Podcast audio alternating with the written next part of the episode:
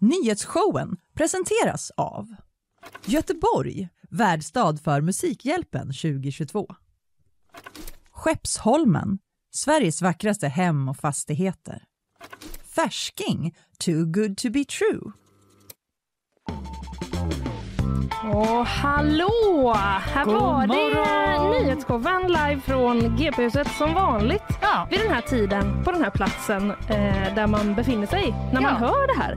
Vilken eh, härligt eh, enkel och stringent inledning. Jag bara, vad pratar du om? Ja, Det blev lite så. Finns rymden? ja visst blev det det. Var befinner vi oss egentligen? Ja, men visst va. Ja. Eh, men eh, vi tar oss igenom det här. Vi strukturerar upp oss. Det är tisdag. Julafton närmar sig lite väl fort, Ja. eh, tycker jag. Jag håller med. Ja. Eh, men det kommer bli nyheter som vanligt såklart. Jag kommer att berätta om eh, COP15 och det nya avtalet för biologisk mångfald som man skrev under där. Och sen blir det ett eh, Twittersvep lite grann kan man säga också. Kommer Mm. Elon Musk avgå som chef för Twitter? Många undrar. Jag undrar. Mm, vad har du Fanny? Jag ska prata om blixthalka. Just det. Eh, aktuellt, Mm. i alla fall igår. Eh, och om Trump. Nu är han i blåsväder igen. Nej, vad är det som händer? Ja, det ska Ja. jag berätta för dig. Mycket bra, mycket bra. Om en stund alltså, inte just nu. Nej, inte just nu. Nej. Eh, gäst får vi idag också. Idag är det självaste kommunpoeten Jimmy Alm som kommer hit. Så roligt. Jag är peppad. Jag med. Ja. Verkligen. Hans eh, tid som kommunpoet där i Tranemorden börjar gå mot sitt slut. Mm. Hur har det varit undrar man? Ja, verkligen. Ja, allt det ska vi fråga honom om. Och eh, efter det så fortsätter vi såklart att smattra på med goda Ja, grejer. ja, vi har så mycket. Ja, från mitt håll så kommer det bli en liten uppföljning på den här obscena gesten som den argentinska fotbollsspelaren Emiliano Martinez Ja, eh, gjorde. Han juckade med sitt pris. Mm, som Eh, man gör om ja. man är en fotbollskille. Ja, men exakt. Vad har du eh, där bak? där bak. I bakvagnen, Fanny? Vad har du där bak? Jo, jag har eh, kanske pratat om Salt Bay. Minns du Ja, honom? ja, Ja, vi får se om vi eh, han ska gå in mer på det. aktuell på Han har blivit eh, hatad plötsligt. Aj, aj, aj. Han som var så älskad, eller? Eh, vi ska också prata om eh, Stordalen som brutit tystnaden om eh, Folkteatern-debaclet som vi pratade om igår. Just det. Och lite mer. Vi får se vad vi hinner med i sluttampen. Ja, det får vi, ja, det får vi ju alltid se som vanligt. Mm. Du, eh, innan vi eh, drar igång, Mm. vad... Eh, hur har du det? Nej men nu blir jag så sjukt stressad när du sa att julafton närmar sig. Jag har inte köpt några julklappar. Nej. Uh, varje, år, varje år är det också mamma, varför gör man inte det typ nu? I augusti. Ja, eller åtminstone inte dagen innan julafton, vilket jag kommer göra. Ja. Mm. Men det löser sig. Har du förberett julen eller? Eh, nej men alltså jag är inte heller så förberedd. Alltså jag går mycket i och tänker så här, du vet jag planerar i huvudet. Ja, men det jag Och sen själva gjort. genomförandet Exakt. eh, blir liksom... Det är där man faller. Där faller jag, absolut. Och sen eh, så börjar jag liksom vackla på mina egna idéer. Så det liksom blir så här, ah, va, nej, uh. Ja, det är oerhört jobbigt för mig. Mm. Stackars mig, höll på att säga. Nej. Men det blir ju skönt med lite jul. Vi skulle till juluppehåll. Det är Ja. ju faktiskt min eh, sista sändning innan julpaus. Det är det. Det kanske vi inte ens har nämnt. eh, Nej, nu bara breakar jag. Ja, nu breakar du nyheterna. Ja, men precis. Vi sänder ju i hela den här veckan fram till och med 23. Mm. Rätt in i kaklet. Exakt. Eh, Men efter det sen så har vi faktiskt två veckors uppehåll. Mm. Vad ska du göra under det uppehållet? Kommer du få liksom abstinens från att sitta här? Ja, det tror jag nog. Ja, Men eller jag kommer säkert inte hinna det. Du vet Nej. hur julen är. Den Ja, bara ja. swooshar. ja. Gör den det verkligen? Jag tycker det. Ja, okej. Ja, eh, det är också... Ska vi bråka om det? ja, det Gör den verkligen det? ja, nej, men det är också någon här på eh, vår redaktion på GP som har fått eh, liksom helt sjuk julkänsla. Ja, alltså Och ser man pyntat- det kanske i Nej, kamerorna? Jag kollade det lite innan, man ser liksom inte så mycket men Det är vi- som att någon har liksom spytt upp hela julen här Ja, på ja. ett bord. det är ändå så stora uppblåsbara granar, eh, massa liksom polkagrisar, det är liksom ändå maffigt Mm. Som någon har gjort. Jag gillar det. Jag. Det var också spännande att komma hit halv sex i morse och eh, börja äta godis. Jag vet, vi kanske är lite sockerhöga. Det är Ja. därför vi är lite så. Jag tror att eh, vi skulle kunna vara det. Men du, eh, ska vi dra igång det här eller? Ja, det är dags. Ja. Blixthalka Ja, orsakade benbrott och kaos. Bara så du vet. Läser jag på g.se. Men alltså var du ute igår? Ja, det var jag. Det, var, bland det jävligaste jag varit med om. det var väldigt halt. Ja, det var Eh, och det gick så extremt. långsamt. Det var ju som att man var, hade åldrats flera hundra år. Mm. Eh, ja, så gammal blir man kanske inte då, men eh, jag gick ju hem från jobbet i Ja. godan ro. Ja, Sen skulle jag bara gå ut några timmar för det var senare. inte halt då. Nej, det Nej. var en helt vanlig dag i december. Mm. Det vill säga plusgrader och regn Ja. när jag gick hem. Just det. Sen när jag går ut, Mm. håller på att dö. Mm. Får hålla i min barnvagn som att det vore en rullator med typ broddar på. Har man dubbdäck på den liksom? Eller Nej men det funkar borde man uppenbarligen ha. Ja. Till och med min hund bara åkte runt här på sina tassar. Din hund med de jätte- jättelånga benen också. Ja, det var ju hemskt. Jag tänkte bara, det var som en, en scen ur den filmen The Ice Storm. Har du sett den? Nej, det är har jag sma- inte. Smal referens. Ja, Jag rekommenderar alla att se den. Mm, Men mm. eh, i alla fall, det var en dödsfälla. Mm. Eh, jag läser också på g.se ett citat. Idag tycker jag faktiskt man kan fundera på om man ens behöver gå ut överhuvudtaget, säger Magnus Oj, oj, oj. Karlsson, överläkare för ortopeden på Mölndals sjukhus. Ja, det är klart att han inte vill att man ska gå ut. De hade väldigt fullt upp. Ja. Folk halkar överallt, säger han och uppmanade göteborgarna att använda broddar eh, eller fundera på om man över, överhuvudtaget behövde gå ut. Ja, det enda som var lite, liksom, eh, lite svårt med det var väl att man eh, i många fall redan var ute. Ja, det var ju det som hände mig. För det här kom Jag hade ju... inte fattat det. Nej, men det var ju också som att det kom när alla skulle hem från jobbet. Exakt. Så det var lite så. Mm. I morse hade jag kanske kunnat eh, tänka så, men på honom. lite svårt. Ja, men det var då ett klassiskt underkylt regn Mm. i kombination med kalla vägar Mm. som skapade det här kaoset på flera håll i Västsverige. Vad Eh, är ett underkylt regn? Det trodde jag var att det var kallt på marken. Jaha, du jag vet inte vad det är Nej, och jag vill inte börja tänka på det heller. nej förlåt. Men, eh, Men det var regn som träffade kall mark helt ja, enkelt. och då, alltså, regnet var inte tillräckligt kallt för att vara snö. Nej, just Därför det. var det regn. Ja, just Men det. Mm. marken var tillräckligt kall för att det skulle frysa till is. Mm, mm. Det här är min förklaring som Jättebra. jag nu har dratt ur mitt eget huvud. Ja, Eh, jag tycker det alla låter rimligt. SMHI utfärdade en gul varning Ja. för plötslig ishalka eh, och det har varit väldigt turbulent i vårt, om, vårt Ja. område. Skolor har stängt, trafik har ställts in. Eh, Och vi gick ut på stan som man gör eh, med reporter. Och där träffade vi göteborgaren Ingmar Gånge som berättade att han hade varit millimeter från att ramla men hittat en strategi för att klara sig som jag tyckte var lite intressant. Vi kan lyssna på eh, Ingmar här. Min strategi är att hålla sig så nära väggen som möjligt för att det, jag har upptäckt att det är lite varmare alldeles intill väggen. Där har eh, isen smält så att där går det att ta sig fram. Det var ett väldigt brusigt ljud men det han sa var att han, hans strategi var att han går närmst väggen för där är det lite varmare. Det var inte Ingmar hette han va? Ja. Det var inte hans första gång i Nej, halkigt väder. exakt. Det Han hör var jag. här, watch me. Ja. Men eh, jag tror nu i morse när vi gick hit, det var varmt, det var Mm. plusgrader, Mm. isen var borta. Det väntas fortsatt regn, men eftersom det är så varmt så tror vi inte att det kommer frysa på. Så förhoppningsvis är detta helvete över. ja, gud vad skönt. För det var eh, ändå lite jobbigt eh, kan man väl sammanfatta det. Ja.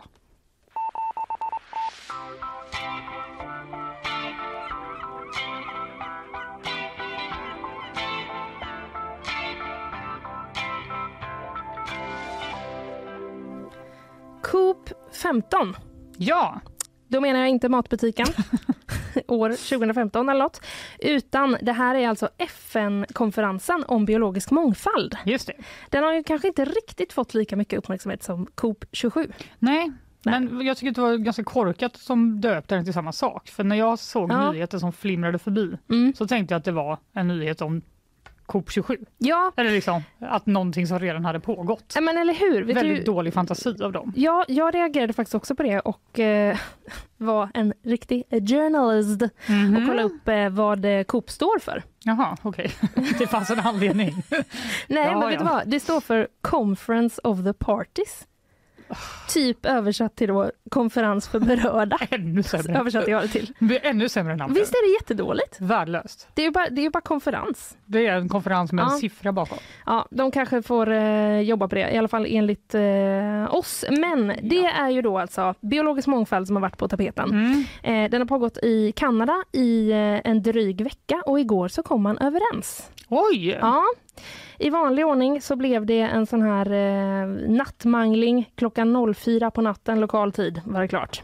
Är det sant? Varför blir det alltid så?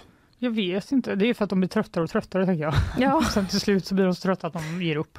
exakt att de går med på det för att Ja, de jag måste trötta. gå och lägga mig nu. Ja, ja, det kanske är något sånt. Men eh, länderna har då i alla fall enats om ett avtal som eh, man har skrivit under och eh, avtalet är kallat historiskt. Mhm. Men av länderna själva. Jaha, Ja. okej. Så att, eh, Inte experter på området. Nej, det kan ju hända att någon expert också tycker att det är historiskt. Vi kommer in lite på det sen. Det, alltså, det är ändå ett bra avtal enligt experterna. Liksom. Det Något inte... har de bestämt. Ja, det har de. Eh, det finns 23 åtgärdspunkter. Mhm. Jag tänker inte läsa alla tre, alla 23. Nej, det räcker med. Men en väldigt viktig del som lyfts fram i eh, rapporteringen, det är då att man har kommit överens om att skydda 30% av jordens yta. Oj, Vad gör du? förlåt. Min laddare åkte ut från Jaha, datorn så den höll på där. ja, jag fattar. Jag är med. Jättebra. 30% av jordens yta. Är det... eh, Ja, man har kommit överens om att man ska skydda 30% av jordens yta. Varför inte 100 procent? Visst, man hade ju kunnat eh, Tråkigt för de andra. tänka det. Ja, men det är väl eh, att då måste man ju avstå från mycket Ja. sånt där. Typ eh, skövla regnskogar och sånt. Ja, jag väntar på problemet Ja, som kommer komma. pengar skulle jag tro att det är. Ja, det Ja. brukar vara så va? Men det, man ska se till då att eh, de här 30 procenten är skyddade eh, och det ska vara gjort senast 2030. Så det kallas liksom 30-30 också Okej. lite det här. Mm. Eh, hur mycket skyddar man nu då? Kanske du undrar. Ja. Mm, 17 procent på land Mhm. och 10 procent i vatten. Så att det är ju ändå en eh, ökning med det här nya Ja, det avtalet. var ju ändå dubblering nästan då av land. Ja, dubblering Skydd. och eh, lite mer än dubblering till och med. Ja, det var väl härligt. Mm. Det har aldrig funnits ett globalt bevarandemål på den här skalan, säger Brian O'Donnell, chef för bevarandegruppen Campaign for Nature. Mhm. Mm. Så det verkar vara ändå kanske lite historiskt. Ja, nu jag även om man vända på här. andra. Ja. Eh, och även på det här eh, området med den biologiska mångfalden, precis som med klimatförändringarna, så börjar det ju bli tajt med tid Mm. om, vi ska, om man ska liksom eh, lyckas med eh, det man vill. Så det här nya målet då, det här 30-30, det har jämförts med det man kom fram till i eh, Parisavtalet. Mhm. Så det är liksom ändå en stor grej för den biologiska mångfalden. Mm. Eh, vad kommer det här innebära för Sverige kanske du undrar? Ja, Vad ska vi är göra? vi med i de här 30 procenten ja, men, ja, vi är ju med, absolut. Med på, eh, Romina Pourmokhtari har ju varit eh, Ja, där och så. Ja. Ja. Eh, men vi på GP har pratat med Alexandre Antonelli, professor i biologisk mångfald. Han säger så här. I Sverige kommer ett stort fokus att hamna på att restaurera vissa miljöer som våtmarker, ängsmarker och hedmarker. Man kommer även behöva stoppa avverkning av gamla skogar med höga naturvärden, hitta mer alternativa Eh, hitta mer hållbara alternativ till skogsbruk och avsätta större delar av Sveriges havsområden till bevaring och restaurering. Mhm. Så det är ju i alla fall en eh, liksom, positiv nyhet för de här återställ ja, våtmarker. precis. De måste ju vara superglada. Ja, det borde De de behöver vara. inte lägga sig på någon motorväg anytime soon. Nej, men de kanske tänker som du, varför är vi inte på 100 procent? Okej, ja. kanske inte ger upp. de, de kanske inte nöjer sig. Ja, Nej, det får vi se. eh, det var i alla fall en liten rapport från, från den biologiska mångfalden. Ja. Ja, jag tycker du lämnar det med en positiv känsla. men visst, ett avtal ändå. Ja. Eh, nyhetssvep ska vi få eh, alldeles strax innan vi fortsätter. Men innan dess eh, så ska vi lyssna lite på våra sponsorer. Nyhetsshowen presenteras av Göteborg, värdstad för Musikhjälpen 2022. Skeppsholmen, Sveriges vackraste hem och fastigheter. Färsking, too good to be true. Vi är tillbaka och eh, Isabella Persson är också tillbaka. Vi var ju här Ja. senast igår, det var jättelänge sedan.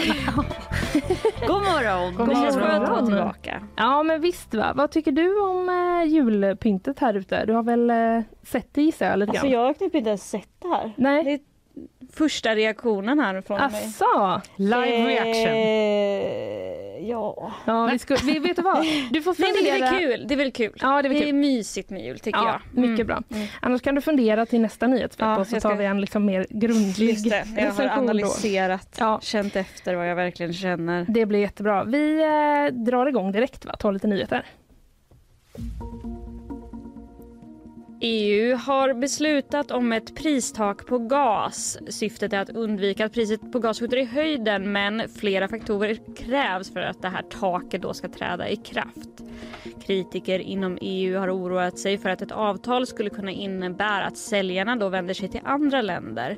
Men energi och näringsminister Ebba Busch säger att man hoppas nu att man landat på rätt nivå och att hennes förhoppning är att man aldrig ska behöva använda det här pristaket. Under en eh, presskonferens tillsammans med Ulf Kristersson så krävde den turkiska presidenten Erdogan att utlämna journalisten Bülent Kenes men Högsta domstolen stoppar nu utlämningen. Kenes var chefredaktör för den engelskspråkiga tidningen Today's Saman och anklagas bland annat för att ha deltagit i kuppförsöket i Turkiet 2016. Delar av de gärningarna som Kenes påstås ha begåtts är inte brottsliga i Sverige vilket är en av anledningarna till att HD nu stoppar utlämningen. Vården skärper sina covid-19 rekommendationer i regionen efter att smittat ökat de senaste veckorna så uppmanas vårdanställda att hålla avstånd och undvika större sammankomster mellan personal och patienter. Även besökare uppmanas nu igen att bära munskydd när man ska träffa vårdtagare. Och avslutningsvis en julgran som lyser i gult och blått har tänts i centrala Kiev. Uppemot 100 invånare tog sig igår till torget vid Sofia-katedralen för att bevittna den nya granen. Stadshuset i Kiev hade tidigare meddelat att det inte skulle bli en Jo, att det faktiskt skulle bli en gran men den skulle vara utan lampor men under måndagskvällen löste den upp i landets färger. Det var väl ändå eh, skönt på något sätt. Alltså en klen tröst för situationen såklart. Ja. Men lite glad blev man ju av det. Den var väldigt fin faktiskt också så löste den i blått Ah. och, blått och gult. Kanske man kan se, se, kan man se bilder på gp.se? Kan man göra. Ja, underbart. Eh, Isabella, tack eh, för detta. Tack så mycket. Vi ses sen. Det gör vi.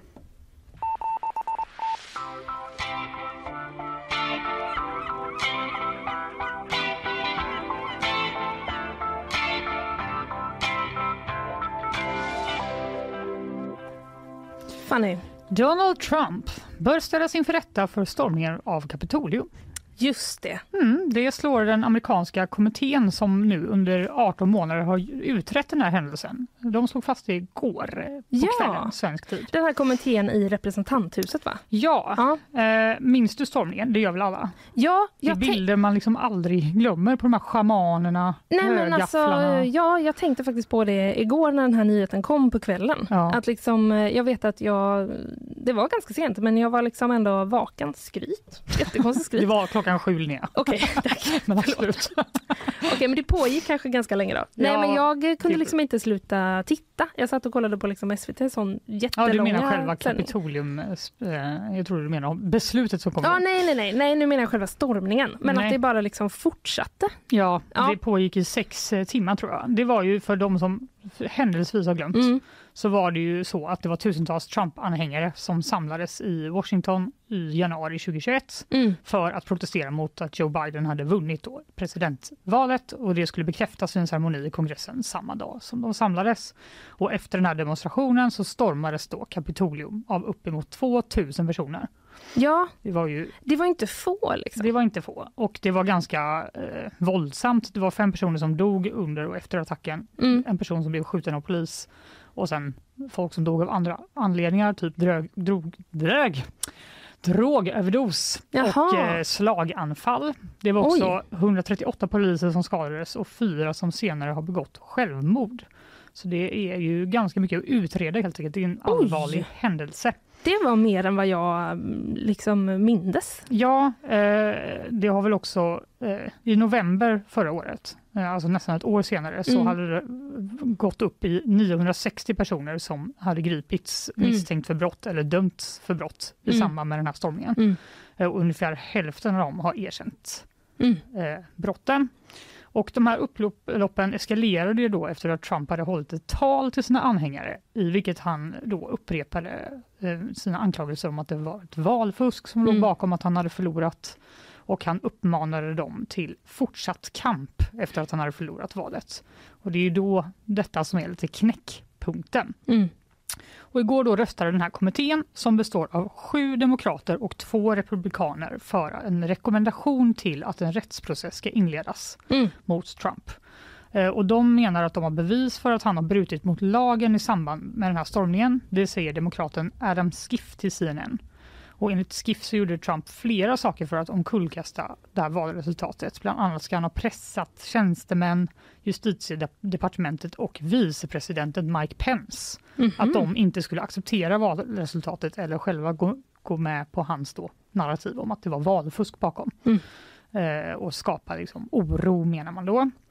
Och den här kommittén har samlat in över en miljon dokument och genomfört tusen intervjuer för att Oh. eh, utreda detta. Och nu vill de då alltså att Trump ska ställas för rätta. Ja. Bland annat så menar de att han då eh, är anklagad för hjälp till uppror, hindra rättvisan, det är väl typ obstruction of justice. Ja, det är ändå om man Eh. får, om man får välja ett favoritbrott eh, bara utifrån orden Ja, så gillar jag exakt. det. Vi har hört det på tv. Ja, exakt. Eh, och Objection. Även, eh, ja, exakt. Ja, det är lite samma sak. Det Ja. är lite samma. Det låter inte lika klatschigt Nej. på svenska. Eh, men, och också två punkter som rör då konspiration Mm. mot Amerika. Och vi ska lyssna nu på eh, en av de här två republikanerna då, som är med i kommittén, Liz Cheney, när hon presenterade deras beslut igår. Det är ljud från CBS News. January 6th, 2021 was the first time one American president refused his constitutional duty to transfer power peacefully to the next. In our work over the last 18 months, the Select Committee has recognized our obligation to do everything we can to ensure this never happens again. Hon säger alltså att Trump var den första presidenten eh, i landets historia som inte fredligt överlämnade sin makt till sin efterträdare Mm. när han hade förlorat valet. Och lite senare i det här anförandet så säger hon också att det mest skamliga som den här utredningen kom fram till, det var att Trump satt i matsalen utanför eh, Oval Office och följde det här upploppet på tv Mhm. och gjorde då inget för att stoppa stoppa sina anhängare, utan han satt då liksom Just det, för det, jag har ändå för mig att det kom liksom krav eh, på honom från andra som var så, säg något, Ja, gör, något. någonting för Ja. att försöka lugna situationen. Det Ja. gjorde han ju inte. Nej. Och eh, ingen person som beter sig så i det läget vår nat- nation befann sig i då är lämplig att tjäna landet i något ämbete, sa den här republikanen då, Cheney. Mm. Men den här kommitténs resultat är ju då inte bindande. Nej. Det är bara eh, en rekommendation och det är justitiedepartementet som kommer besluta om de ska följa rekommendationen eller inte. Just det. Eh, Så vi får helt enkelt, det är inte så att det är färdigt Nej, på det är, något inte, sätt. det är inte så. Nu utan- åtalas han. Exakt, Nej. utan de har väl sagt att det här är bevisen för varför vi tycker att han borde åtalas. Mm. Men oavsett så menar många att det här är ett historiskt beslut eh, eftersom det ses som en väldigt tydlig markering inför framtida val och framtida avgående presidenter. Att Ja. man kan inte bete sig hur som helst. Det är visst att det får konsekvenser. Exakt. Ja. Och nu undrar du, vad tycker Trump om det här? Tror du han har sagt något? Tror det han undrar jag tyst? absolut. Nej, han säger att det här är en häxjakt på honom och att eh, eftersom han då har gått ut med att han kommer ställa upp i presidentvalet Mm. nästa vända så menar han att det här, den här kongressen helt enkelt har gjort den här utredningen för att blockera hans försök att ta sig tillbaka till Vita huset. Okej. Han skriver på sin egen eh, eget sociala medie, Truth Social. Hela den här grejen att man ska åtala mig är precis som med riksrätten. Ett partipolitiskt försök att runda mig och Republikanerna. Och då syftar han ju på att han eh, blev friad i riksrätten för, att, eh, för samma sak. Mm. Så han tycker helt enkelt att det är bullshit. Surprise! Ja, surprise. Så eh, vi har säkert eh, anledning att återkomma när vi Mm. vet vad justitiedepartementet tänker göra. Exakt. Men eh, ja, spännande. Kämpa på, Trump. Ja. ja. Ja, du, vi ska eh, hålla oss kvar i eh, USA. Mm. Elon Musk. Det här var två favoritpersoner Ja, jag vi vet. pratar om Jag vet. Men de är två eh, makt, eh, mäktiga personer som tål att rapporteras om. Absolut. Ja, nu är frågan då, kommer Elon Musk att eh, sluta som eh, VD, chef för Ja, han- Twitter? Har han ens börjat? Ja, men det är... Kort karriär på Twitter. Ja, verkligen. Mm. Ja, det var en kort karriär. Alltså, hans eh, köpet av Twitter blev ju klart först någon gång under, alltså sen att vi började sända. Ja, precis. Så, det, så lång tid har det ju inte varit. Nej. Ändå. Nej. Eh, han ställde frågan om han borde avgå i en tweet och eh, 17,5 miljon röster kom in. Mhm. 57 procent tyckte att han skulle avgå. Mm, inte, inte överväldigande majoritet då. Nej, nej men, Men, ändå ett, ganska... klart, eh, ett klart Precis, beslut. en tydlig majoritet. Eh, och han skrev då i den här tweeten att han skulle följa det alternativet som vann. Mhm. Should I step down as head of Twitter? Frågetecken. Bytte jag språk där. Frågetecken. I will abide by the results of this poll. Okej. twittrade han då natten mot eh, måndag. Det ska Mm. sägas också att man kunde inte se resultatet av den här eh, omröstningen om man inte röstade själv. Mhm. Vilket har lett till att åtminstone två personer på vår redaktion har eh, känt sig eh, tvungna att rösta för att få se resultatet. Men vi vet inte hur de har röstat. Nej, det vet vi inte. Nej. Det känner jag inte till. Och där Nej. tycker jag att valhemligheten är Absolut, ganska... det är viktigt. viktig. Mm. Mm. Okej, så det är därför det är väldigt många som har röstat kan man ju tänka Ja, men det då. kan, bi- det kan ha bidragit i alla fall. En viss nyfikenhet. Ja, precis. Och han har ju också gjort, han har gjort flera såna här omröstningar på sistone, Elon Musk, och liksom ändå låtit det, som, det alternativ som har vunnit, då har det blivit så. Liksom. Känns liksom lite boomer-aktigt tycker jag.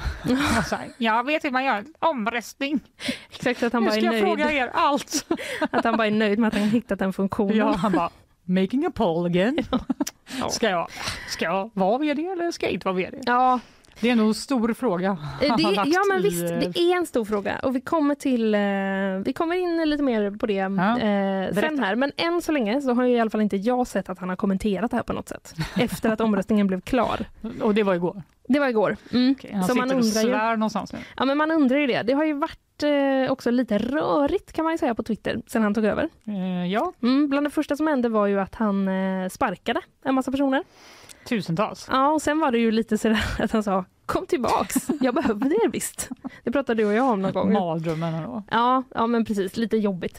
Eh, och den senaste veckan bara, då har det dels varit att han har stängt av eh, konton, bland annat flera journalisters. Mhm. Också eh, ett konto som heter Elonjet. Är det? Kan du gissa vad det är för konto? Nej, det behöver du inte göra. Nej. Eh, det är ett konto som följde hans privatplan i realtid. Ah, Mm. Som så. granskande Nu är jag här. miljömupp. Nu är jag här. Ja. Eh, Som utgav sig för att vara hans get då. nej, men det tror jag inte. Men eh, jag som sa hej Nu har jag landat igen. Vad skönt det är att sträcka ut vingar. Exakt.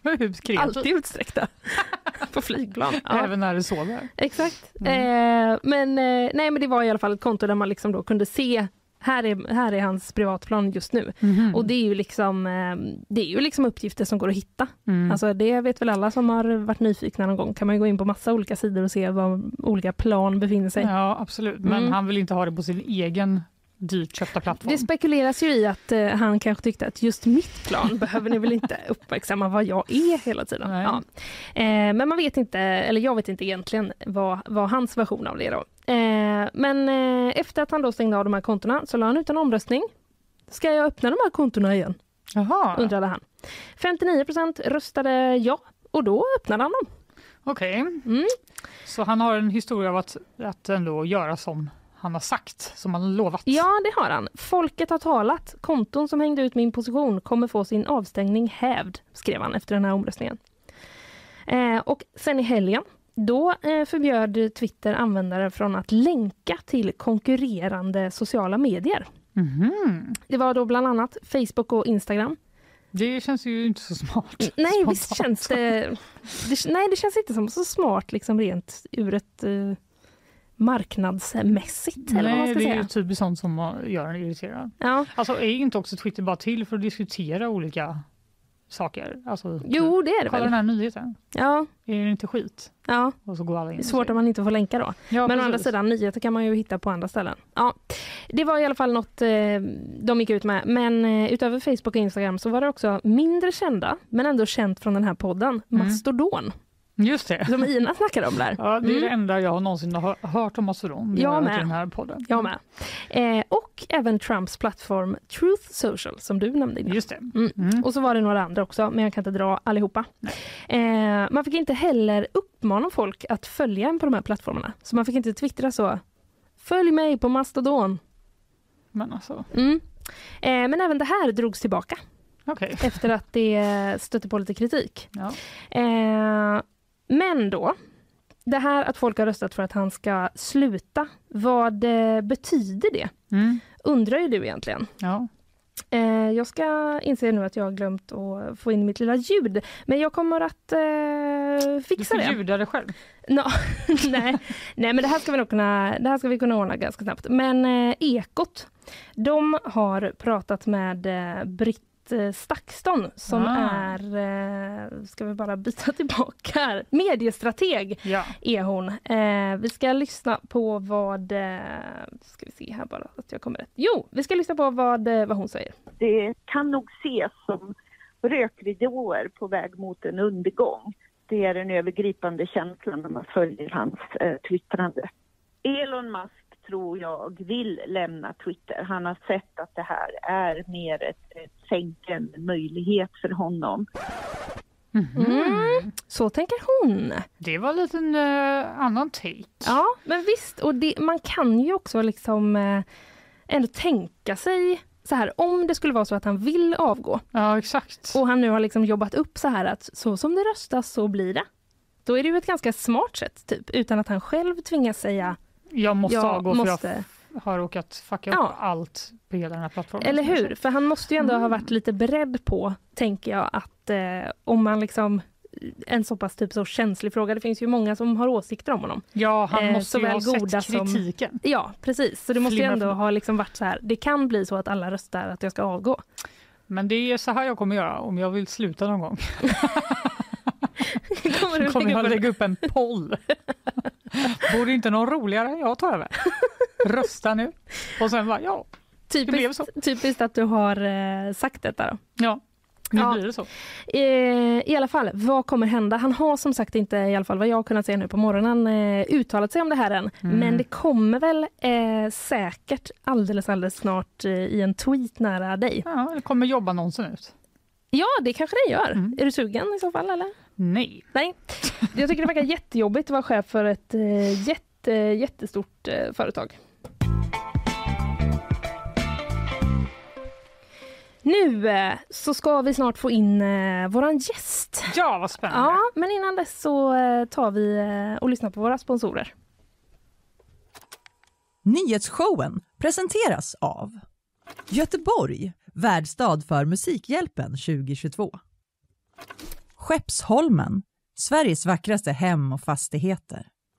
Färsking, too good to be true. Ja men hallå, hallå. Vi får eh, snart in våran gäst här. Ja. ja. Vi ska släppa in honom, Jimmy Alm, kommunpoeten. Eh, och så är vi alldeles strax eh, tillbaka. Ja men vi eh, är tillbaka. Nu eh, ska vi prata om yrket kommunpoet bland annat. Eh, för nyheten om att Tranemo skulle få en helt egen kommunpoet skapade en debatt kring ja, skattemedel, kultur och vad en kommun faktiskt ska ägna sig åt. Och mitt i allt det här så stod Jimmy Alm, poet och initiativtagare till det här projektet. Nu ett år senare så har han sammanfattat sina erfarenheter som kommunpoet i boken Sveriges första ko- kommunpoet. Välkommen Jimmy! Tack så mycket. Du, eh, vad, eh, jag är så spänd, jag har så många frågor känner jag, så att vi, vi drar igång. Vi tar den i taget. Ja, men bra idé. Mycket bra idé. Tack för den Det brukar underlätta. hjälpen. Ja. Men hur har, eh, vad har det här projektet inneburit i eh, praktiken för dig? Och I praktiken Hur menar du då vad det- jag har gjort eller vad det har betytt för mig som person? Uff, allt egentligen vill jag veta, men om vi börjar med liksom hur, eh, har du liksom vaknat en morgon och tänkt, vad är det idag? Nej, Nej, utan jag har det- aldrig haft så här klart för mig vad det är jag ska göra varje dag. nej. Utan jag har vaknat upp och så är det, just det, nu ska jag göra det där om en timme. Mm. Så att det har varit väldigt välplanerat.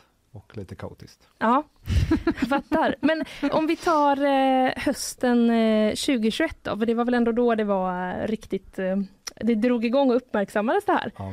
Hur, eh, hur liksom upplevde du den hösten och den debatten och det nyhetssnurret? Ja, men jag blev ganska tagen på sängen. Mm. Det fanns ju ingen tanke med att det här projektet skulle vara provocerande.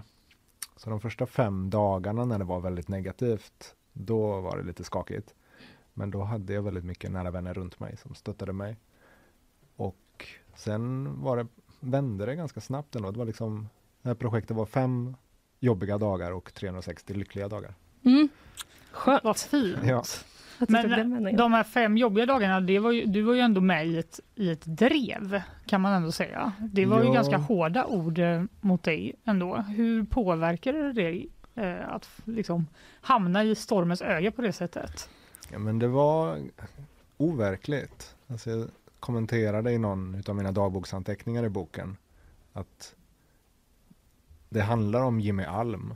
Det är Mm. Jimmy Alm som står i centrum för det här. Mm. Men det känns inte som att det handlar om mig. Mm. Och det var nog skönt ändå att jag ganska tidigt kände att okej, det här handlar inte om mig och mitt projekt i väldigt stor utsträckning. Mm. Utan det handlar om frågan huruvida skattepengar ska finansiera kultur. Just det. Och för tillfället så är Jimmy Alm och kommunpoesi en projektionsyta för Mm. den debatten. Mm. Det var ju sunt att du kunde eh, se det så, tänker jag. Ja, men det underlättade. Ja, jag förstår det. Vad tror du att, eh, vi var inne lite på det, men eh, varför tror du att det rörde upp så mycket känslor i det här projektet? Ja, bra fråga. Det- var så många olika läger som triggades på olika sätt. Jag tror att det jag gör, det faller lite mellan stolarna. För att det är poesi som gör att det inte är folkligt. Mm. Men det är också, det jag gör kallar jag för populärpoesi. Så att det är inte poesi-poesi, vilket gör att det inte är finkulturellt. Just det. Mm. Du hade inget team Nej, bakom dig. Du Jimmy var- Alm. Ja. Men som du sa, det var ju kanske inte det var inte dina dikter som folk blev upprörda över utan det var ju från början var det väl ett missförstånd att det var Tranemos kommun som hade lagt pengarna från, från kommunen på eh, en lön till dig. Och så Mm. var det ju inte utan du fick ju bidrag. Ja, jag sökte projektstöd Mm. och fick det. Nej, men det var ju den avgörande faktorn. Det var det som tände stormen. Tände Mm. stormen. Ja. Mm. Eh, Tände ljuset stormen. Ja, men det, för det, det är ju ändå, det var ju inte konsten i sig som var det provocerande utan som ofta, ofta som det ofta är så var det pengarna. Eh, Ja, och att det lokalt ställdes mot nyheten att Tranemo kommun skulle dra ner 16 miljoner på skolan. mm, Mm. Och då om folk tror att de samtidigt lägger en miljon på en poet. Just det. Så när det ställs mot varandra är det klart att det väcker reaktioner. Mm. Men det var inte sant. Men kan du berätta lite, hur, eh, hur föddes idén från din sida för att göra det här? Ja, det finns många svar på den, men det började väl med att Dikta dig föddes 2018 Mm. och att jag började dikta människor. Det var så Dikta dig uppstod. Man fick boka en timme med mig Mm. och sen berätta om sig själv och utifrån vad du berättar så skriver jag en dikt om dig till dig. Mhm. Vilken grej! Ja, men det var, jag har skrivit i 15 år kanske, men när jag Ah. hittade det här då var jag så, ah, det är det här jag ska ha mitt skrivande till. Mm. Mhm. Och sen har det växt organiskt och så hade jag ett projekt där jag samarbetade med Tranemo kommun och diktade invånare i kommunen på biblioteket. Och då sa kulturchefen Juan Ochoa någon gång till mig, Jimmy, ska inte du bli kommunpoet? Så, ja, vad tänker du då? Nej, det vet jag inte. Han lanserade bara ordet Ja, och så lämnade han det hos dig. precis. Ja. Och det kändes spännande, för då insåg jag att på samma sätt som jag diktat människor så skulle jag kunna testa att dikta vad som helst, så länge Mm. det har med Tranemo kommun att göra. Mm. Och någonting som var en ingång i det här projektet var att jag ville bredda begreppet kommun. För att för många så associeras det med den kommunala verksamheten. Mm. Men för mig är kommunen, det är liksom all infrastruktur, alla föreningar, alla företag, alla vi som bor och lever i kommunen. Det är vi som är kommunen. Är du från Tranemo? Nej, jag har bott där se- 2014. Okay. Men jag är från en liten by i Dalsland. Men du känner, du känner att det är din hemkommun i alla fall? Ja, men efter projektet gör jag det. Ja. Alltså innan, jag bor i Uddebo som är en väldigt speciell by, mm. som är lite som en egen värld. Mm. Så jag har inte varit runt så mycket i kommunen innan. Men efter det här året så har liksom känslan av hemma växt från Uddebo till hela Tranemo kommun. Men hur har, eh, jättestor fråga, hur har eh, året varit under själva den här tiden som du, om vi bortser från liksom rabaldret, uppmärksamheten i början. Hur var det sen när du faktiskt kom igång? Ja, men det var väldigt fint. Alltså, jag har mött så många människor och fått så fin respons. Att det är tydligt att det ändå har betytt någonting för många människor. Mm. Och särskilt den typen av respons med folk som inte är vana vid att läsa poesi eller inte har någon relation till poesi. Och när de uttrycker det, att säga ja, men som Kenneth till exempel, som är eldsjäl i Nittorps IK, eh, hockey och damfotboll. Han skrev till mig efteråt, så, ja, jag var ju som du vet lite skeptisk till det här med kommunpoet, men jag får nog säga att du har övertygat mig och jag tror många fler.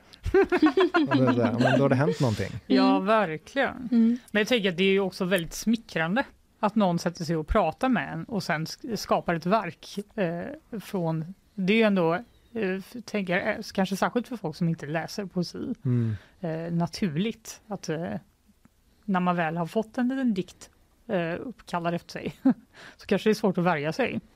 Ja, nej men det är också grundtanken med diktare. Jag har varit det sedan början att jag skriver mina dikter för att jag vill få folk att känna sig sedda. Mm. Det är liksom det värdet som jag orienterar mig efter. Mm. Men hur har det funkat? Har du liksom eh, både skrivit dikter utifrån personer då, men också kanske platser? Eller ja. vad har du liksom eh, tagit tag i? Jo, men det har varit, när det gäller dikterna så har det varit två spår. Dels mm. har kommuninvånarna kunnat boka en tid för att få sin egen dikt.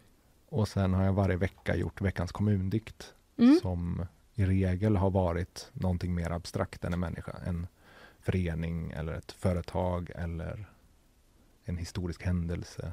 Mm. På något sätt. Så länge det har med Tranemo kommun att göra så har det kunnat bli veckans kommundikt. Mm. Mm. Hur många blev det på ett år? Eh, jag tror att det är 80 dikter i boken. Oj! Blir du nöjd med alla?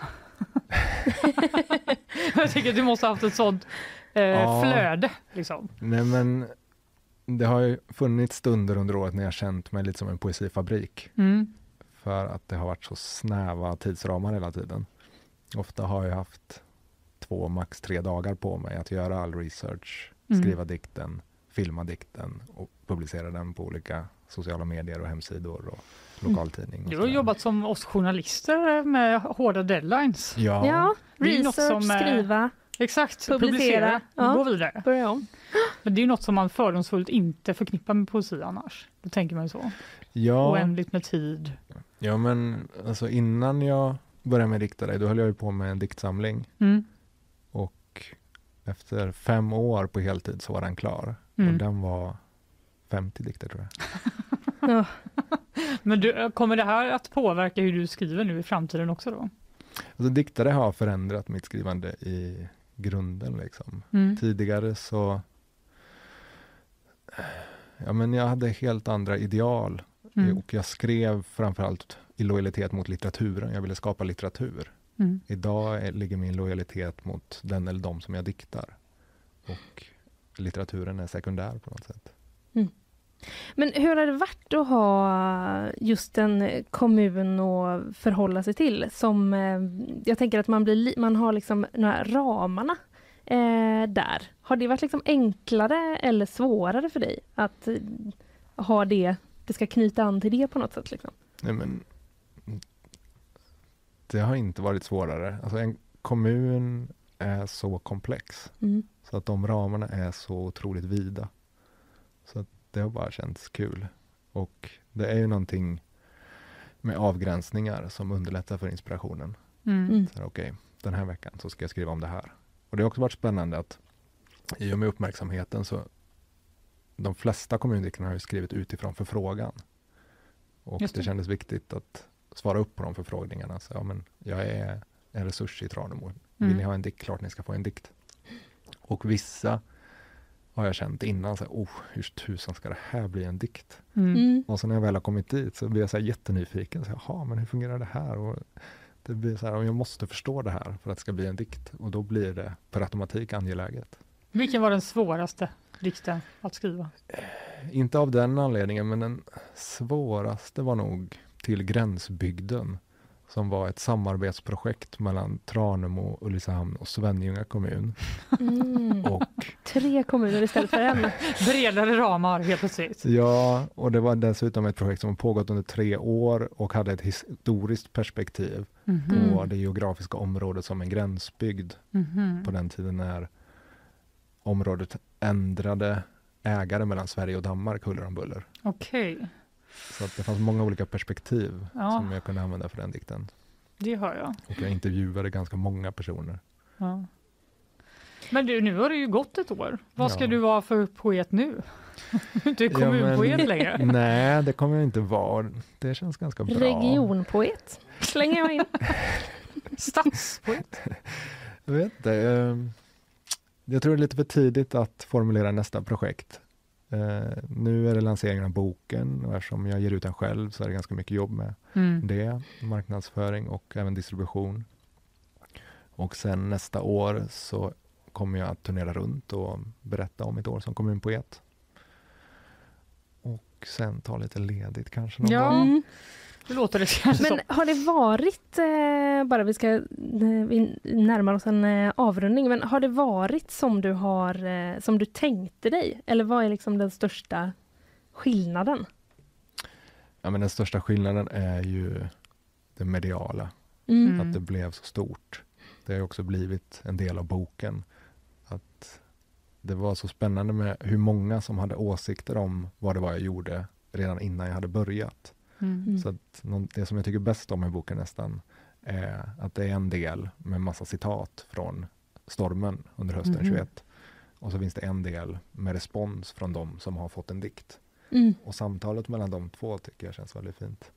Men boken är, det är alla dikter som du skrev och sen är det också eh, dagboksanteckningar Ja, från precis. det här året. Och sen alla konstnärliga tolkningar som gjordes i projektet.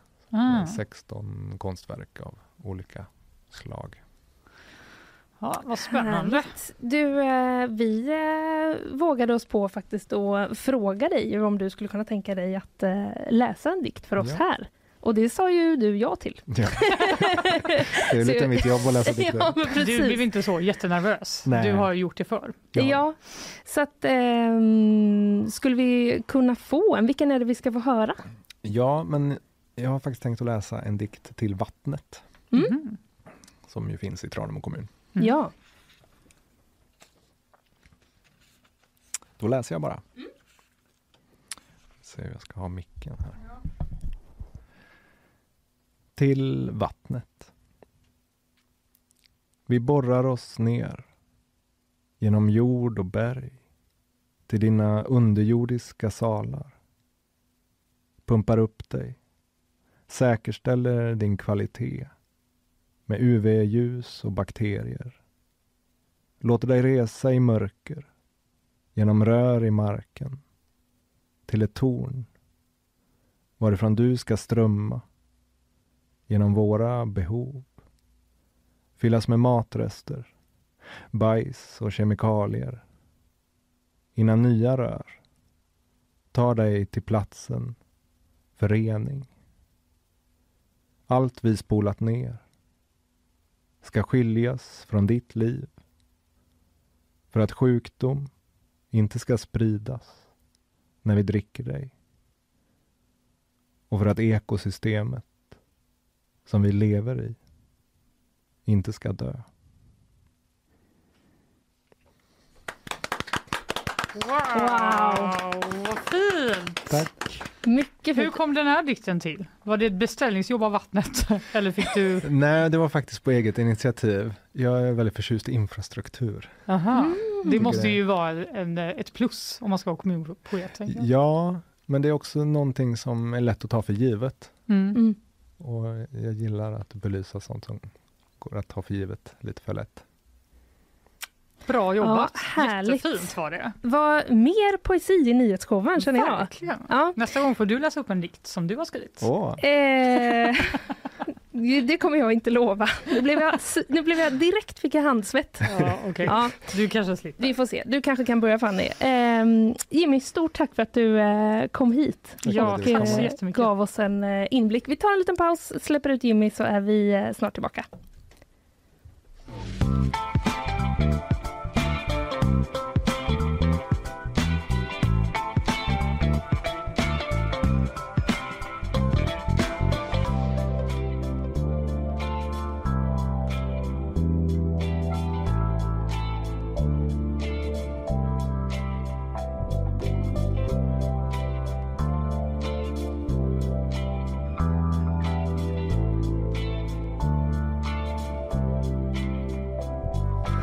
Poesi i nyhetsshowen. Ja, kanske ett mer frekvent eh, förekommande inslag eh, snart va Fanny? Ja, jag kände att jag blev helt lugn. Jag, jag kände också det. Vilken eh, närvaro. Ja men precis. Våran liksom ibland lite så rrr, snabba takt fick liksom vila. Ja. det var jätte... Vi, eh, vi får se om det kanske blir mer eh, framåt. Vi ska få nyhetssvep alldeles strax men först har vi några ord från våra sponsorer. Nyhetsshowen presenteras av Göteborg, värdstad för Musikhjälpen 2022. Skeppsholmen, Sveriges vackraste hem och fastigheter. Färsking, too good to be true. Nu är hon här igen, eh, Isabella Persson, våran eh, nyhetsväktare höll jag på att säga. Men jag menar mer eh, spanare Ja, kanske. ja, det är väl en bra. Du, vad tyckte Titel. du om eh, poesiinslaget här? Nej, men det var väldigt trevligt. Jag känner att jag får så sträcka på mig lite för man hamnar i någon sån lugn... Eh, Mm. Ja, visst gjorde man. Meditation. Ja, ja. försöka komma igång igen här nu. ja, men det kommer du eh, göra toppen. Eh, någon ytterligare reflektion om julpyntet sen sist? Jag såg nu när jag kommer de här otroliga uppblåsbara granarna. ja, men visst. Jättefula. En roast av julpyntet här. Det var lite oväntat. Feist Isabella kom Det in och var bara så fan vad fult. Oväntat. Jag blev väldigt förvånad. Men du, det är det Men- vi gillar med det, att du liksom inte skräder orden Nej, det är no när du tycker något. Nej, precis. Nej. Då eh, får vi se, nu blir det ju inte tyckande från dig utan nu blir det ju nyheter. Ja, det blir Ja, vi tar några sådana. För första gången någonsin är Norges ekonomi större än Sveriges. Det, detta rapporterar Svenska Dagbladet. Under tredje kvartalet i år gick vårt grannland om sett till BNP och enligt Jan L Andreasen, chefsekonom på norska Eika-gruppen är anledningen den höga efterfrågan på energi och att priset på gas och olja har gått upp. Norges BNP uppgick till drygt 1 600 miljarder svenska kronor vilket kan jämföras med Sveriges 1 437 under samma period. Men troligtvis kommer det falla tillbaka när energikrisen lugnar sig och när freden kommer, menar Andreasen. Under en presskonferens tillsammans med Ulf Kristersson så krävde den turkiska presidenten Recep Tayyip Erdogan att utlämna journalisten Bülent Kenes. Men Högsta domstolen stoppar nu utlämningen. Kenes var chefredaktör för den engelskspråkiga tidningen Today's Saman och anklagas bland annat för att ha deltagit i kuppförsöket i landet 2016. Delar av, de gärningar, delar av de gärningar som Kenes påstås ha begåtts är inte brottsliga i Sverige och är en av anledningarna till att HD nu stoppar utlämningen. Vården skärper sina covid-19 rekommendationer i regionen. Efter att smittan ökat de senaste veckorna så uppmanas vårdanställda att hålla avstånd och undvika större sammankomster mellan personal och patienter. Även besökare uppmanas nu igen att bära munskydd när man ska träffa vårdtagare. En eh, julgran som lyser i gult och blått har tänts upp i centrala Kiev. Uppemot 100 invånare tog sig till torget vid Sofiakatedralen för att bevittna den nya granen i huvudstaden. Den lyser i landets färger och tändes igår kväll bara timmar efter att flyglarm ljöd över Kiev efter att Ryssland enligt uppgifter skickat över 20 drönare mot staden. Eh, nu är alla sjuka just nu va? Ja, apropå munskydden tänkte jag på. Ja, Ja, men det är ju Det är som olika smittor. exploderat. Det Ja, läste jag innan på vår egen eh, sida. ja, det, Varning! ja. Så ska du tänka kring julen. För att det är så mycket som... Det är RS, det är covid, det är influensan och vinterkräksjukan. mm. Varsågod för information! det var en härlig... Tvätta händerna, tvätta händerna. Ja, jag tror att jag ändå, jag hoppas, hoppas, hoppas, för jag har ju varit sjuk, förkyld tre gånger den här hösten. Ja, Så jag hoppas ändå att jag bara har rivit av covid, influensa och RS. ja, Om inte annat, karma borde ju hålla dig frisk. Verkligen. vi håller alla eh, tummarna för dig Isabella. Ja, Tack för så idag. mycket. Här går det undan va? Visst gör det det Fanny? Jag vet. Det är Bara tryck swoosh, på en knappar och, ja, det intervjuas kommunpoeter och Ja. allt möjligt sånt. Ja. Du, nu har vi tagit oss eh, hela vägen till eh, bakvagnen. Det har vi. Är du sugen på att börja eller? Ja, jag tänkte jag skulle prata lite eh, uppföljande om eh, det jag pratade om igår, nämligen Folkteatern och restaurang Folk. Ja, det har varit nästan eh, hela veckan så Ja, säga, det men började förra veckan. förra också. veckan. Mm. Det crescendot var väl i söndags när då en, flera hundra göteborgare var ute Ja. och demonstrerade. Och igår berättade jag lite att Stordalen hade försökt snås av bland annat Ruben Östlund. Han hade taggat in Stordalen och varit så här, du måste komma ut och engagera dig i den här Mhm. frågan Mm. och du måste säga say your piece. Mm. Eh, Men Stordalen har innan då eh, hänvisat till sin pressperson Mm. på Nor- Nordic Choice hotellet då. Men igår bröt han tystnaden Ja, i ett mejl som eh, han skickade okej. ut Blev till... lite besviken på det Ja, du ville höra hans klingande norska. Ja, men det, men det fick så. du Han inte. bröt tystnaden och så bara, ah, ljudet som kom var Ett mejl. och alla bara woho! Jag vet, så det är lite tråkigt. Det blir ju faktiskt allt vanligare att folk eh, bryter tystnaden i mejl. Ja, Men det är ju mer, bättre kontroll på det sättet. ja det är sant. verkar dock men han har ändå eh, uttalat sig ju. Ja, och det Mm. verkar ha varit ett väldigt långt mejl så jag ska inte liksom Ah. återberätta allt han Nej. sa. Men i ungefär det här. Skulle Nordic Choice vara rädda för hög musik och glada människor hos grannen? Skulle inte tro det. Vi har naturligtvis inte framfört några krav som negativt skulle påverka Folkteaterns verksamhet, skriver han i ett mejl som GP har tagit del av. Och Mm. det handlar alltså då om att hyresvärden Folkets hus, där i samma hus så byggs Stordalens hotell Draken och i samma hus är Folkteatern och restaurangen Folk. Mm. Folk, folk, folk, folk. Just det, Eh, mycket eh, folk. Och det har spekulerats i då att det är på grund av Stordalens hotell som eh, eh, teatern riskerar att få högre hyra. Mm. Men det förnekar alltså då Stordalen själv. Mm. Vidare skriver han att det är just mångfalden av restauranger, barer och scener som har skapat en plats och inte en enskild närkesid närkesidder. Jag kan inte prata längre. Närkesidkare. Näringsidkare Ja. som han själv. Eh, Och han uppger att eh, han tillsammans med Folkteatern och Filmfestivalen ska fortsätta att utveckla Järntorget. Jag är därför förvånad över de senaste dagarnas uttalanden.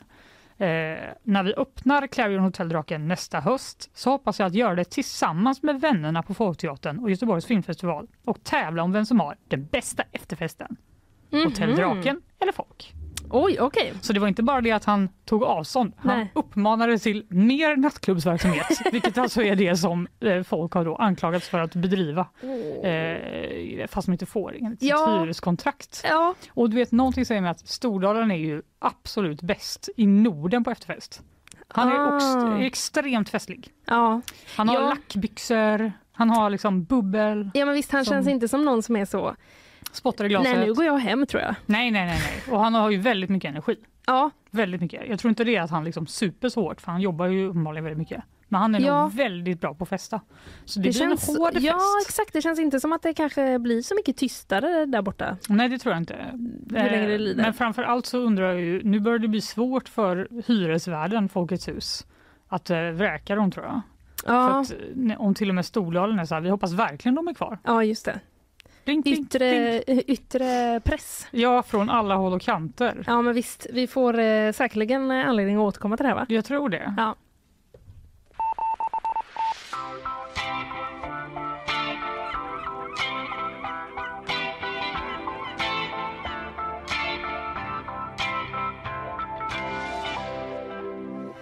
Nu ska vi följa upp eh, en till grej. Uppföljningarnas dag Ja, kan vi kalla detta för. Eh, det kan vi göra varje dag. det ja, men det är så vi Det jobbar. är så nyheter Vi är ju fungerar. här ofta va. Du, eh, VM i Qatar Ja. Det känns också som en grej vi har nämnt varje gång du och jag sänder ihop. Elon Musk och VM i Qatar. Fast vi aldrig har tittat på VM i Qatar. Eller du kanske såg? Jag tittade faktiskt lite på slutet på finalen. Oj, oj, oj. Mm. Men jag tittade inte på eh, prisutdelningen. Nej. Eh, Emiliano Martinez, eh, argentinska spelaren, han eh, fick ju pris som eh, VM, VM-turneringens målvakt. Just Det pratade väl Kalle lite om igår, det. ja. Mm, mm, Han fick det här priset. Eh, han gjorde en eh, gest. Eh, jag, jag beskri- han liksom eh, höll, den, eh, höll den här prisgrejen då mellan sina ben och liksom typ juckade. Jag säger det bara. Det var det som hände. Äckligt ord. alltså. Ja, det är det. Men det var det, var det som hände. Han höll prisgrejen mellan sina ben och juckade. Det Japp. var det han gjorde. Japp, det gjorde okej, han. ja. Mm. Eh, och nu eh, förklarar han den här eh, liksom gesten eller händelsen då. För man undrar ju, det var ju ganska ändå, jag såg ett litet klipp på när det hände och det var lite så här, här kommer han med priset, man tänker att han ska kanske så vinka lite kanske, eller Mhm. le. Tack. Men så tar han liksom några steg och bara gör den här grejen och man bara, vad? Förlåt? Glömde du var du var någonstans nu eller vad? Eller var det här något smart? Du vet man bara undrar, vad hände i ditt huvud här nu? Ja, jag förstår. Det är inget man rimligen gör med ett pris. Det är inte så på Oscarsgalan. Nej. Så Att någon bara äh. Nej, det brukar inte folk göra. Nej. Jag har inte sett det i alla fall. Eh, han ska ha förklarat det då. Han säger, jag kan inte relatera till deras arrogans, säger han enligt eh, tyska tidningen eh, Bild. Jaha. Ja, eh, han hade en nyckelroll i det här. Jag är på vår egen eh, sajt, gp.se, och eh, läser. Eh, och han fick då det här priset som turneringens eh, bästa målvakt och det har ju blivit väldigt uppmärksammat att, eh, att han agerade på det här sättet. Det är inte bara Jaha. du och jag. Nej. Utan det har ju liksom spridits i små klipp och sånt där.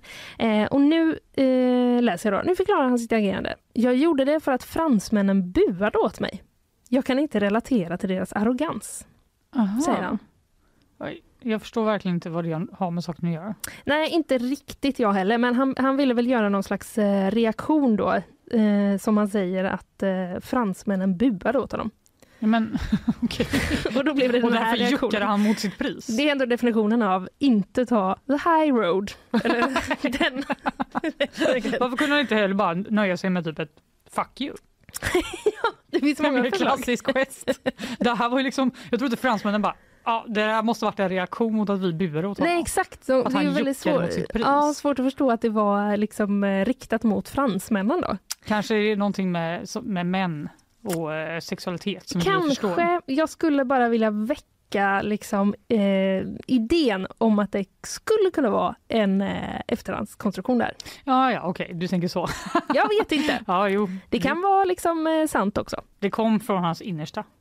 Det kan, eh, det kan det ha gjort. Jag fortsätter på gårdagens nyheter. Nej, men det lät ju väldigt undersäljande av Ja. det jag ska berätta nu. Men det var ju så att Kalle drog en, eh, en liten... eh, Ja, det är politikerna tävlar ju om hur kallt de har det hemma. Ja. Det är den nya tidens populism. Mm, Kallast vinner. mm, Kallast bäst politiker. Eh, Och det var ju varierande grader. Mm. För SVT gjorde då en enkät. Det var lite olika. eh, Alla sa att de hade det kallt. Vissa hade 20 grader, vissa hade 18 grader. Men det var ju en person som hade det kallt på riktigt Ja. och det var ju Sverigedemokraten Henrik Winge. ja. Han menade att han hade det 15 grader hemma hos sig. Det är Eh, fruktansvärt kallt. Och det är ju väldigt kallt. Mm. Eh, så kallt att en expert till och med till, eh, blev inkallad som sa det kan vi inte rekommendera. det är typ farligt. Det kanske inte sa, men det är inte bra att ha det så kallt hemma. Nej. Och därför har Morgonstudion i SVT gjort en liten uppföljning på detta. Vi ska Mm. lyssna på vad Winge säger eh, om detta. son sa i morse så sa han så här Äntligen har vi varmt hemma igen pappa. Och då står det 15 grader på, på termometern. Så att jag har det ganska kallt. Det vi undrar är ju nu, har du gått ut för att värma dig?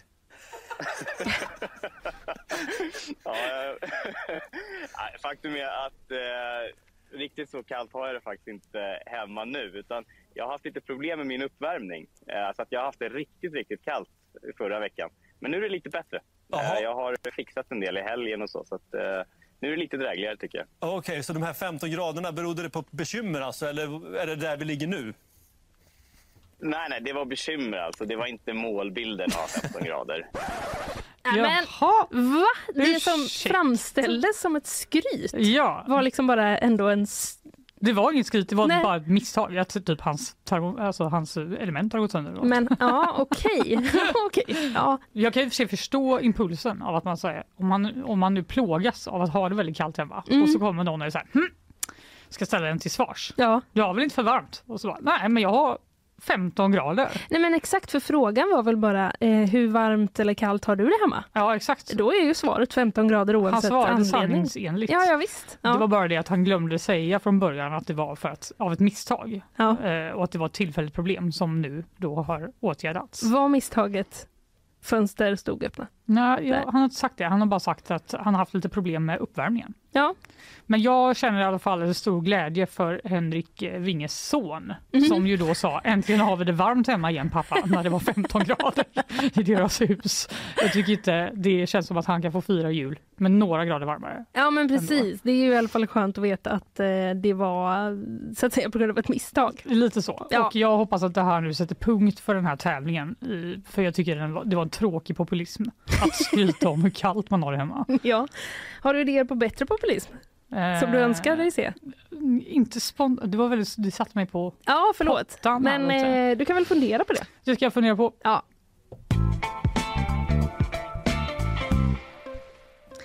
Vi kastar oss vidare. Eh, nu eh, ska vi prata om eh, GV, Leif GV, bland annat. Åh, Ja, det finns många delar i det här. sig? Ja, men det är så här att eh, han gillar ju att jaga va? Mhm. Mm. Han brukar jaga med Lotta Lundgren. Ja, han brukar väl jaga med jättemånga coola, Alla kändisar. coola kändisar. Okej, Ja, inte Felix cool. Herngren? Frågetecken. Eh, jag vet inte, utropstecken. Kanske, frågetecken, utropstecken. Eh, ja, vi låter det... Men du vet att han sköt en apa? Va?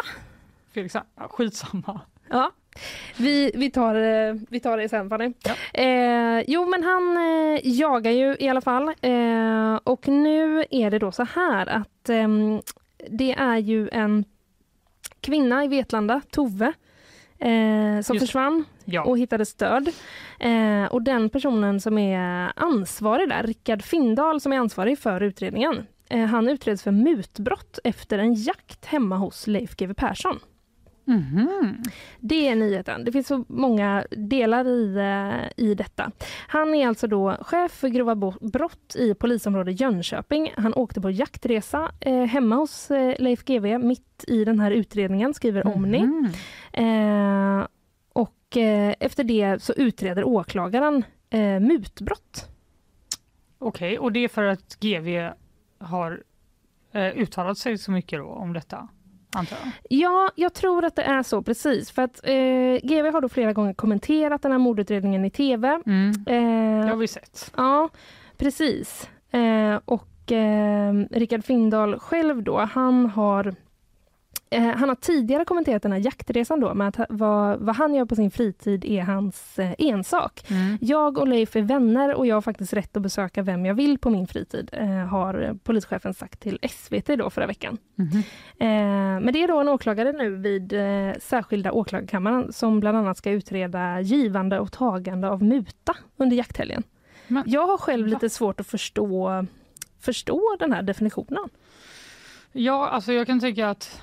För, nej, det förstår inte jag heller. Det låter ju väldigt eh, drastiskt. Vad är det han har mutat honom för? Ja, Är det GV som, som har mutat honom då? nej men jag, eh, vi får nog eh, ta och, eh, ja precis, vi får ta och följa upp det här kände jag nu, för det har varit lite svårt att förstå faktiskt. Ja, det var det verkligen. Mm, vi kollar.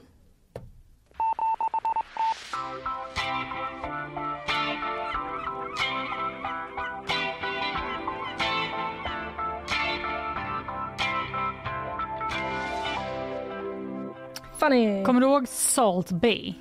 Eh, ja, Salt Bay. Nu ser den ju här inte handen eh, som man liksom har böjt väldigt långt bak på något sätt. Ja, det var ju en... eh, Det kanske inte, jag ska, kanske inte ska säga vad, för det kanske fortfarande pågår. Mm, Men det var ju en väldigt eh, stor känd meme. mm, Och det är en turkisk slaktare från början Mm. som eh, gör då någon slags eh, handrörelse. Men det är också som att han, handen ser ut som en svan. Att man typ låtsas att eh, handen är en, eh, en, någonting som En näbb. pratar. Ja, precis en näbb. Det är typ den rörelsen, samma. Ja, den rörelsen använder han. Han ska krydda typ kött. Ja. Och det blev en, en internetviral eh, meme. Ja. Eh, och nu, jag vet inte, nu har han ju försvunnit. Jag har inte sett till, till honom på ett tag. Nej. eh, I alla fall. Men han eh, dök upp i Qatar. Jaha. Mm. Och då var det så här att enligt Fifa då, såklart då har de väldigt starka regler för VM-bucklan. Den får endast röras av ett fåtal personer såsom tidigare VM-vinnare och statschefer. Mm. Läser jag på Omni. Okej. Gud vad töntigt. Ja, lite Vem faktiskt. bryr sig? Va? Men det är som den här andra jättestora vi pratade om. Ja. Racerbucklan. Precis, någon slags motorsport Det eh, kanske, var det väl ja, det kanske är en grej i sport, jag vet inte. Men det känns Mm. töntigt tycker jag. Så Mm. är det i alla fall. Men mitt i segeryran så dök även andra personer upp på planen då. Som krögaren eh, Salt Bay. Mm. Nurset Gök. Mer känd som. Mm. Salt Bay då. Han dök upp där. Det var så många som dök upp. Ja, det är väl det. Det var väl lite svårt att eh, liksom hindra folk då Mm. i det här kaoset. Men på sin Instagram så har han lagt upp bilder på sig själv där han då ensamma håller i VM-pokalen och poserar med argentinska spelare och biter i deras medaljer. Oj. Och nu har de här eh, väck, väckt ilska då i sociala medier. Ja. Helt jävla absurt. Vem släppte in Salt Bay på planen? Skriver den norska sportjournalisten André Norega på Twitter. Men det känns, ja, det känns ändå lite absurt för att jag tänker så här, hur typ, kommer folk ihåg honom? Man kan inte kanske ha honom så top of mind. Han kanske höll bucklan så. en sån kryddpose. Eller så höll han och så bara la han i salt i bucklan. Saltade bucklan. Det, känns Det här ju, blir en bra min. Det känns ju värre än att han rörde den. Att liksom Ja, hälla salt i den. Oh. Nej, men Kryddade upp lite- den med någon god sån kryddblandning till kött. Ja. Vad Nej, men, eh, jag vet inte, han kanske inte hade fått det här memot att ingen fick ta i den då. Eh, uppenbarligen, för att då, det känns inte som då, dålig PR för honom själv. Eftersom alla nu hatar honom. Ja, eller Att han har hur? besudlat den. Ja, Carl skriver här att alla fotbollsspelare reser till hans restaurang i Dubai. Att den är Aha. superpoppis och jag behövde titta på honom också. Jag visste inte om det var liksom ett skämt eller om det var sant. Detta är alltså fakta. Men är okej, det förklarar ju varför han var där. Han var kanske bara helt enkelt bjuden av eh, fotbollsspelare att delta i matchen. Ah, och de så sprang han ut. Mm. ville, ville hänga med sin bro, Mm. men så bara råkade han få tag i den här bucklan i, Ja. eh, i, eh, i segeryran. Men ja, för det känns också som att liksom, om det nu är så viktigt att ingen får röra den, då borde det vara någon som vaktar den. Ja, men de, jag antar att de tänker bara "Ah, alla spelare måste ju få ta. Ja, det är ju det är ändå sant. ganska många. Hela laget måste ju få Ja, det är det. ta lite bilder med den. Det är materialare. hoppade Och, Salt in ja, och eh, Jag tar passade på. jag håller. Men nu eh, kräver flera journalister Fifas förklaring till varför kändisar som Salt Bay fick tillträde till planen överhuvudtaget. Jaha, Så det är, det är re- real eh, ilska bakom de här. okej. Där ser man. Ja, vi får se. Det kanske kommer någon sån lång förklaring. Men jag tycker ändå friska upp lite. Ja, Lite peta på, peta på känner du. Ja. Ja.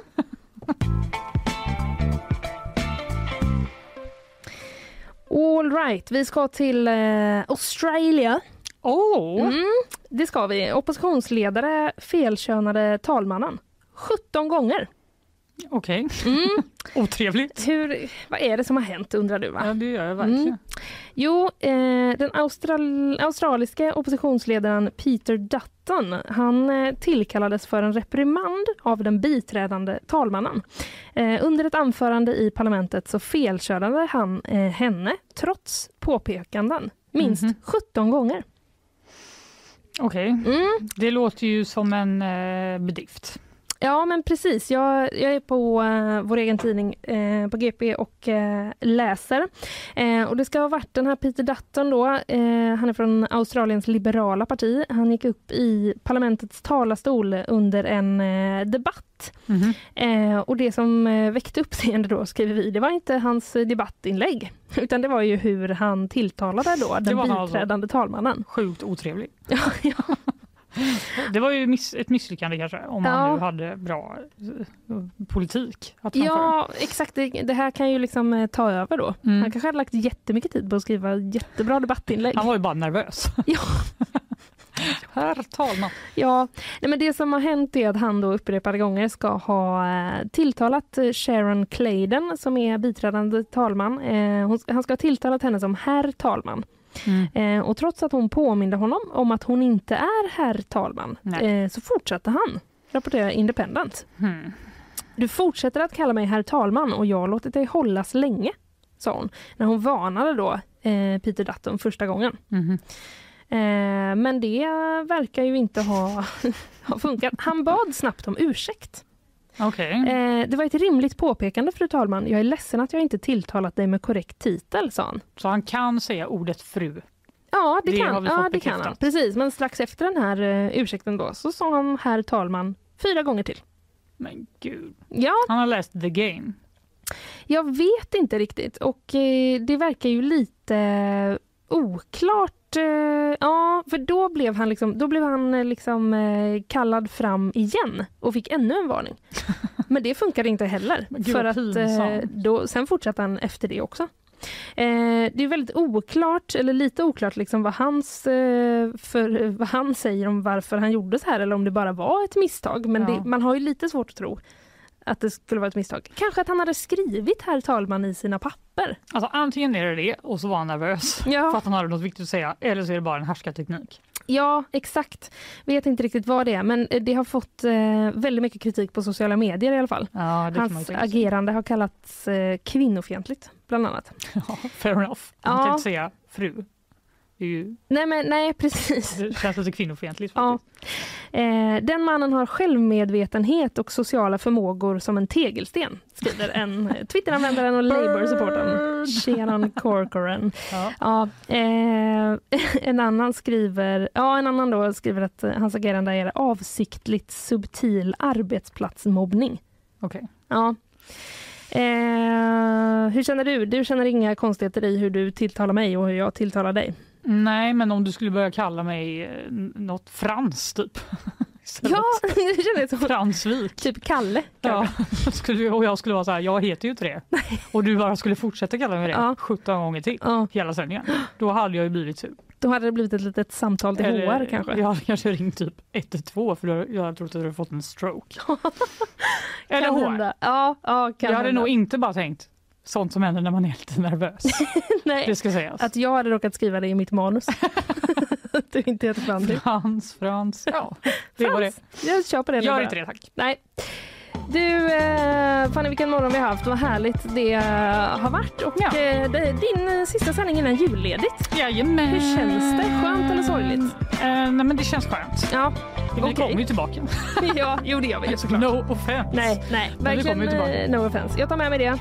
Eh, en massa grejer har vi pratat idag om. Konferens om biologisk mångfald, avtal klart. Mm. Är det historiskt? Ja, vissa tycker det.